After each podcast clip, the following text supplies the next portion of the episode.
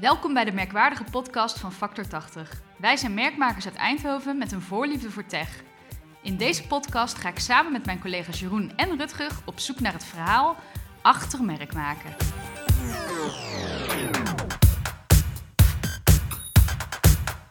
Hij viel even uit. Ja, heel even. Maar dat was net toen ik niet aan het praten was. Op een gegeven moment begon Jeroen weer te praten en toen hoorde ik hem weer. Ja.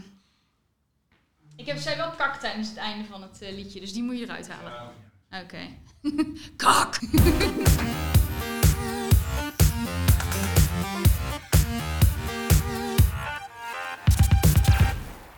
Hallo, hallo, welkom bij podcast 80.05. De vorige keer stipten we de verhouding aan tussen je merk en je bedrijfscultuur. En onze conclusie was eigenlijk: ehm, zonder heldere merkwaarden en een consistent merk is er geen duidelijke cultuur. En andersom ook niet. Dus het is iets waar je in moet investeren, in zowel je cultuur als in je merk. De grote vraag die we in deze aflevering gaan beantwoorden is dan ook: hoe zorg je dat je de cultuur van je organisatie en je merkwaarden met elkaar verweeft, zodat het elkaar versterkt? Uh, nou ja, het antwoord zit dan verscholen in je customer journey. En de vorige keer hebben we dat ook al even kort aangestipt. Uh, dat je in je customer journey uh, veel elementen van je cultuur en je merkwaarde kunt verwerken, zodat het ook gaat leven bij je klanten. Nou, Jeroen, een buzzword. Buzzword. Zullen we bingo, bingo doen? Hallo. Bingo doen deze aflevering? Mm, hoeveel gaan we er halen? Zeker. het buzzword. Wat is een customer journey waar we het vandaag over gaan hebben? Ja, het, volgens mij is het gewoon een Engelse uh, term. Klantreis. klantreis. Alleen, daar vonden we als marketeers denk ik niet zo lekker klinken. Um, dus hebben we het Customer Journey genoemd. Nou, um, ik denk dat Customer Journey... Het, maar goed, het, soms is dat wel vaker met uh, marketingachtige dingen. Het is gewoon gezond boerenverstand en ja. slim, slim nadenken.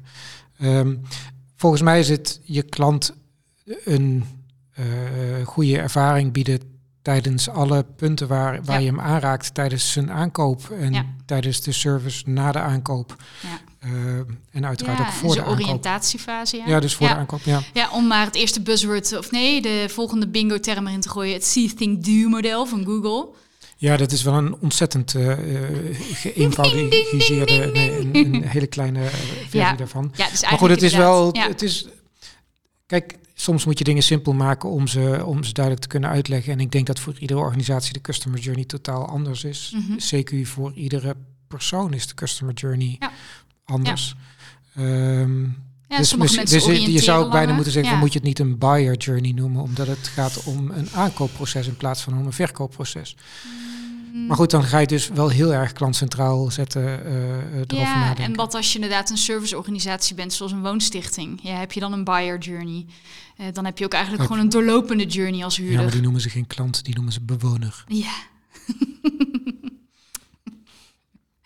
uh, maar goed, een customer journey, dat is dus eigenlijk uh, op elk moment waarop je contact hebt met jouw klant of een bewoner of iets anders, mm -hmm. wil je daarin eigenlijk jezelf zijn als merk en als bedrijf. Ja, en, en uh, iets van je merkwaarde door laten schemeren in dat kleine stukje customer journey. Waarom is dat zo belangrijk? Ja, komt die weer herkenbaarheid, consistentie. Uh, mm -hmm. waar, waar ik nog steeds van denk wat er gebeurd is op het moment, en dat is ook, kijk naar je, je vrienden of familie die hebben allemaal drijfveren, die hebben een persoontje, die hebben een karakter. En als je die ineens vanuit een totaal andere hoek iets ziet doen, dan, ja. dan krijg je een soort van kortsluiting in je hoofd. Zo van, mijn moeder had altijd hij, een officiële wat stem. Doet hij nou? Ja, mijn moeder had een officiële stem voor, uh, voor telefoontjes van klantenservices en zo. Ja, ja. en dat voelt heel raar. Ja. En als je, als je dat als klant-leverancierrelatie doet, dan krijg je een soort van freeze, fight or flight situatie in dat hoofd. Ook al is het maar millisecondes. Ja. En volgens mij moet je dat als merk, waar, waar het tegenwoordig zo makkelijk is om over te hoppen naar een andere leverancier, moet je dat willen voorkomen. Dus mm-hmm. moet je ervoor zorgen dat alle kleine puntjes die je aanraakt met je klant, ja. dat die kloppen consistent ja. met wat je verwacht van het merk. En als je uh, voor degene die hier echt uh, uh, nog niet zo heel veel bezig zijn geweest met customer journey, waar start je dan eigenlijk? Want niet iedereen heeft dat in kaart gebracht. Nee, ik, denk, ik denk dat eh, je kunt overal beginnen. Het gaat er Mhm. vooral om, eh, je kunt hem vanuit verschillende invalshoeken doen. Je kunt het vanuit je persona, je doelgroep bekijken. Zo van wie zijn nou mijn doelgroepen, waar, waar hebben die behoefte aan en waar eh, Mhm. kan ik iets bereiken. Je kunt het doen vanuit laaghangend fruit. Zo van waar kan ik de, de grootste meters maken om zoveel Ja. mogelijk impact te, te ontwikkelen. Ja. Je kunt ook laaghangend fruit bekijken vanuit wat zijn nou de makkelijkste stapjes waar ik het eventjes makkelijk snel kan doen om Ja. die customer journey aan te passen. En ik, ik denk ook dat je ervan uit moet gaan dat het niet een project is, maar een proces is Ja. waar je eigenlijk constant mee bezig bent. Eh, om ervoor te zorgen dat je klant iedere keer weer die, die leuke of die fijne of die warme, Herkenbare, herkenbare, eh, beleving heeft rondom jouw merk. Ja, want eh, is dan niet het, het startpunt eigenlijk weer dat merkkompas? Uiteraard, altijd. Ja, Althans, ja. dat je Nee. in ieder geval al je merkwaarde op één lijn hebt. Dus dat Ja. inderdaad degene die offertes maakt, weet dat je eh, behulpzaam en eh, klantgericht bent. Maar dat dan ook de salesafdeling dat weet, dat soort dingen. Ja, eens. En Ja. nou vind ik klantgericht, vind ik eh, Ja, dat is over het algemeen vind ik te, goeie- te breed, vind ik niet echt een kernwaarde. Want dat is, ja, van, in mijn Ja. gevoel is dat klantgericht. Ja, Eh, dus die zou ik op een andere manier, denk ik, eh, willen omschrijven. ja my bad. Ja, ik weet wat je bedoelt. Maar ik probeer uit mijn hoofd wat eh, drijfveren op te doen. ik heb er al heel veel voorbij zien komen. Nou ja, Ja. de, de- wat de, de voorbeelden die ik wel eens aanhaal van, van klanten die wij hebben mogen begeleiden in zo'n merksessie, in zo'n merkkompas. Ja, Ja, plezier, dat vind ik er wel eentje. En dan kun je zeggen van ja, heb je ervoor gezorgd dat je met die mail die je stuurt, dat er plezier uitstraalt? ja, ja. Of als je de telefoon opneemt, ja. eh, of je doet samen een project met een klant, of je, je, je gaat het product bij hem afleveren, zit daar plezier in. En dan kom je uiteraard weer ook bij de Coolblue voorbeelden van eh, Ja, ding, alles ding, ding, ding, ding. Best woord. Hij is er weer. Hij is er weer. Ehm, Daar moeten we maar ook een bingo op gaan doen. maar het- aan de andere kant, de- het voorbeeld wat ik eigenlijk, de, de twee voorbeelden die, die ik zal aanhalen, die ik eh, vaak gebruik als iemand me deze vraag stelt, is ehm, aan de ene kant eh, een klant van ons die had verbinding. Mhm. Eh, dat voorbeeld heb ik al eerder aangehaald. Al In zijn merkwaarde staan, in zijn kernwaarde. En eh, dat ging voor een deel ook om customer journey, maar ook om employee journey. Ja. En toen heb ik als voorbeeld gebruikt van, weet je, je kunt heel hard roepen dat je gaat om verbinding of het tegen de muur plakken, Ja. maar dat werkt niet. Waar het om gaat is dat als jij dat eerste gesprek hebt met die persoon, die nieuwe eh, Ja. collega die je wil gaan aannemen, dat je niet een hele grote vergadertafel pakt eh, met twee laptops Ja. tussen om aantekeningen te maken, maar dat je een bankzetting of twee stoelen naast elkaar, deels de neuzen dezelfde kant op, dicht bij Ja. elkaar, uiteraard anderhalve meter afstand. En die verbinding voelt in plaats van dat je die verbinding moet benoemen. Ik vind het Ja. customer journey moet je voelen. Dat moet je niet willen vertellen. Nou, en het zijn vaak ook abstract, ab- eh, abst- Jezus, Abstract. Abstracte begrippen die je in je eh, merkkompas hebt staan eigenlijk, je Ja. merkwaarde. Dus dan is het ook wel goed, denk ik, om er eh, met meerdere mensen over na te denken. Hoe ga je daar invulling aan geven? Ik zou het ook altijd eh, met het hele team doen. En ook, Ja. volgens mij hebben we die in de vorige podcast ook aangehaald, de financiële afdeling. Ja. ja laat die financiële afdeling ook meedenken van hoe kan ik eh, verbinding in mijn factuur stoppen? Of hoe kan ik plezier in de factuur stoppen? Of hoe kan ik innovatie in de factuur stoppen? Ja. Ik bedoel, wat, wat wij natuurlijk doen als... Nieuwsgierigheid. Of Wat is, je, nieuwsgierigheid. Hmm. wat is je rekening nee. Nee, maar je zou... Kijk, aan de ene kant is een factuur is natuurlijk steeds meer een elektronisch middel. Dus dat, Ja. dat is misschien niet het juiste voorbeeld. Maar kijk Maar dan ja, naar... tikkie, dat maakt het wel heel persoonlijk. Dat Ja. zou het heel persoonlijk maken. Maar als Ja. je kijkt naar een betalingsherinnering, Ja. die kun je juist weer heel erg merkwaardig maken door te zeggen van. ehm, Ja, merkwaardig, niet Merk- merkwaardig. nee, niet merkwaardig, ja. Ja. Ehm, Nou, nou heb ik daar ook weer beeld bij. en Sorry, bij, bij een andere klant, eh, onderwijsinstelling in Den Bosch, waar we, waar we geholpen hebben, daar Mhm. was ehm, vooruitgang en trots was, eh, waren ook deels de, de merkwaarden. Ja. En toen hadden ze iets van, ja, maar waar begin ik nou? Ja, En toen Ja. zei van, ja, weet je, ik ga morgen op vakantie, dus ik zet mijn oude office aan en dan houdoe. ja. Ik zeg, ja, maar daar is het moment dat je kunt beginnen. Dat is ook het moment Ik zeg, inderdaad in je journey. Wat je in je oude Ja. office zet, als je daarna gewoon het, het laatste innovatieve project wat jullie hebben gedaan op die opleiding waar je trots op bent, als je dat er nou neerzet met van jongens, Twee vliegen in één klap. ik ben eh, de komende twee weken ben ik er niet, maar als je nou iets wil weten waar ik echt zo fucking trots op ben, Ja, ja, eh, lees dit eventjes. ja. Da- dat zijn die hele mini, mini dingetjes waarmee je ehm, dat merk tot leven brengt. Ja, nou ja, ik moet zeggen, we hebben, eh, niet om ons op de borst te kloppen, maar we hebben natuurlijk zelf, eh, ik heb 23 eh, verschillende undersigns over alles wat we doen, onze blogs. En doordat ik elke keer mijn out of office personaliseer met een tekstje erbij van wat, wat ga ik doen, eh hey, ik ben er niet, lees dit even, daar wordt echt wel heel veel op geklikt. Ik vind het het meest eh, ondergeschoven stukje communicatie wat Ja. we hebben. Ja, Want ja, wat, wat gebeurt er met een out of office? Je stuurt iets en je krijgt instant reply. ja, Dus je denkt van kak, wat is hier aan de hand? En je gaat hem lezen. ja. Dus gebruik de out of office. Nou ja, en ook eh, de undersigns zelf hè, die wij hebben. Eh, Eh, eens, die daar ook. wordt zoveel op geklikt eigenlijk. Ja, ja, dat, eh, dat heeft ons van de week zelfs nog een klant opgeleverd. Jo, doe je goed. Ehm, even kijken hoor, want nou zijn we wel heel erg aan het afdwalen. Dat die, doen we nooit. eh, die customer eh, journey, is dat nou dan de ultieme truc om klanten te werven? Hmm. Hmm. Ja, Nee, ik denk, ik- nou ja, weet je, ik, ik heb altijd Ja. een beetje moeite met het woord truc. Want ik vind, Ja. eh, truc is als, als zijnde, je, je doet een doosje open, een trucendoos open en, en daar komt een, een, een Ja, maar haas, zo wordt heel vaak over ons marketing jongens en meisjes gedacht. Ja, maar daar ben ik het dus ook niet mee eens. nee, ik ook niet.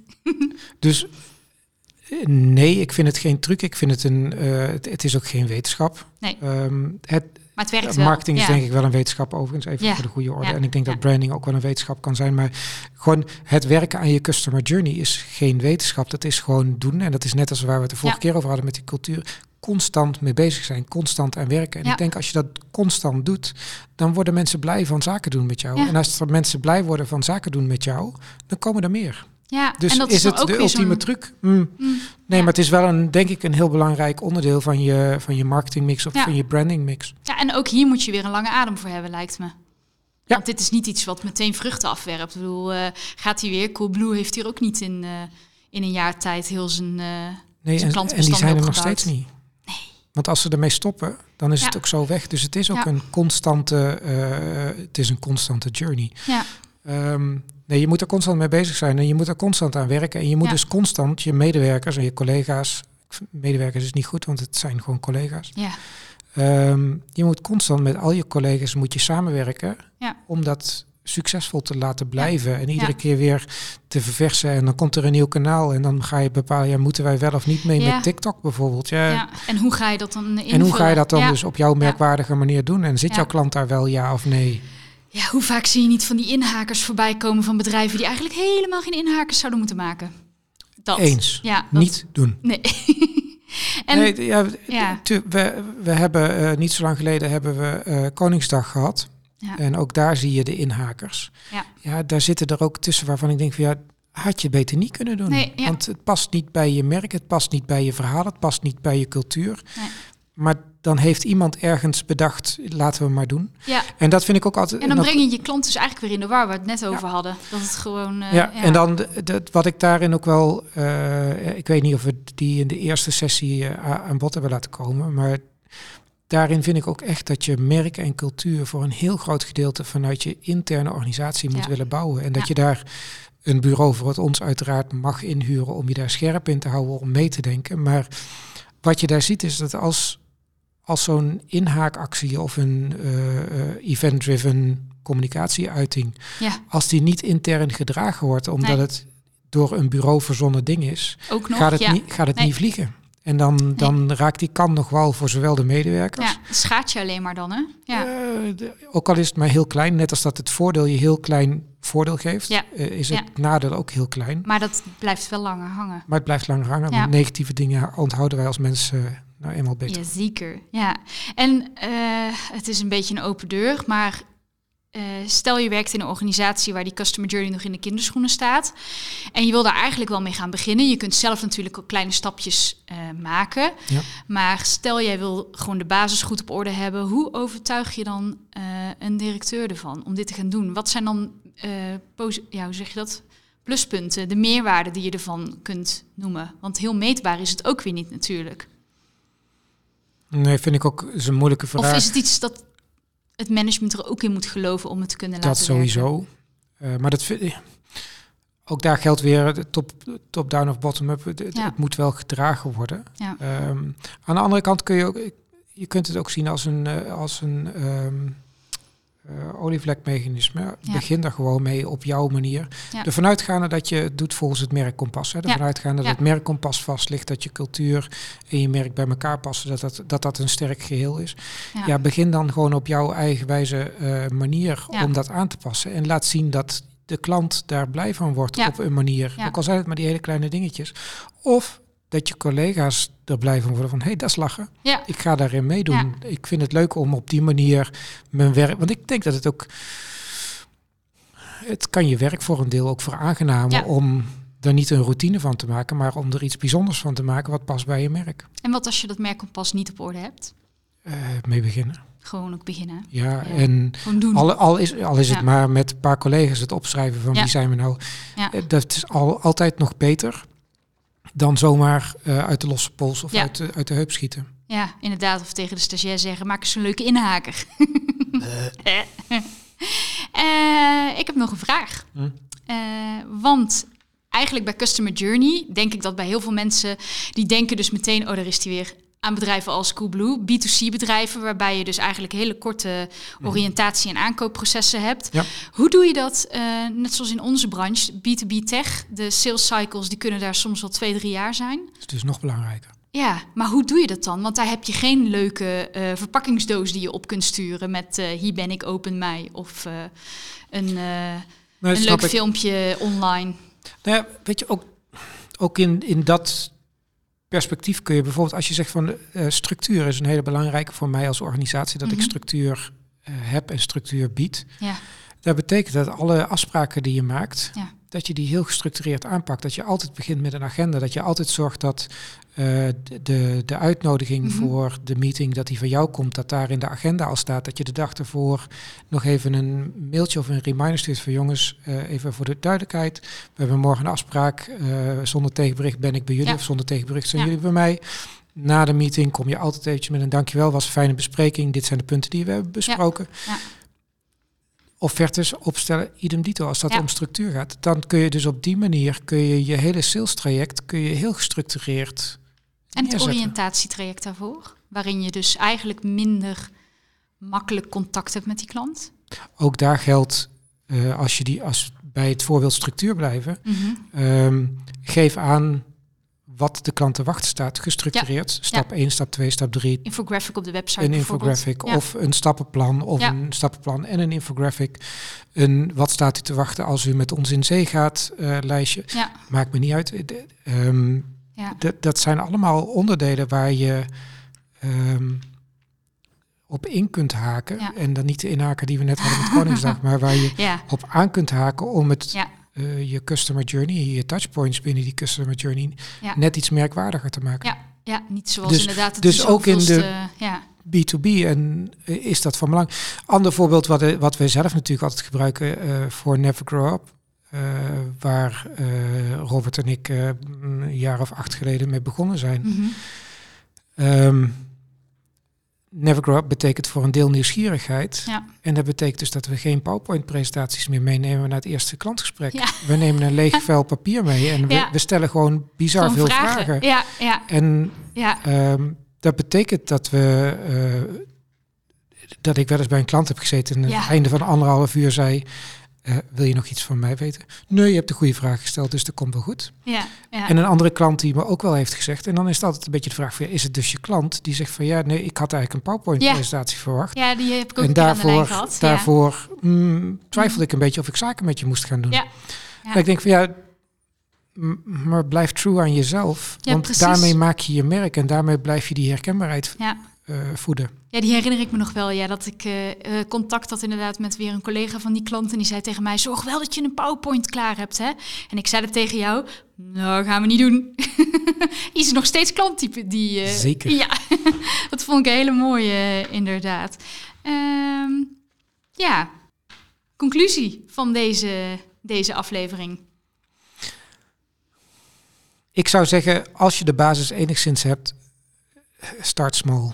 Ja, en dat Begin, kan echt begin gewoon. En dat, overal in zitten. Hè? Ja, het- Ja. en ik, Nou, de- misschien is dat ook wel een beetje ah, de, de, de kers op mijn eh, slagroomtaart, zeg maar. Als ik op, met een klant op zoek mag naar Ja. wat zijn nou die, die ultieme kleine out-of-office replytjes of Ja. eh, weet ik veel wat. D- dat zijn juist de, de, de, de mooie dingen om een merk te bouwen. In die hele kleine dingen iets, iets bijzonders vinden wat past bij dat merk. Ik geloof daar ook wel in. En eh, wij hebben zelf natuurlijk dit ook heel veel in onze, in onze touchpoints ingebouwd. Zelfs eh, eh, met iets waar we heel veel complimenten over krijgen. Ons wachtmuziekje voor de telefoon. Lekker dansen.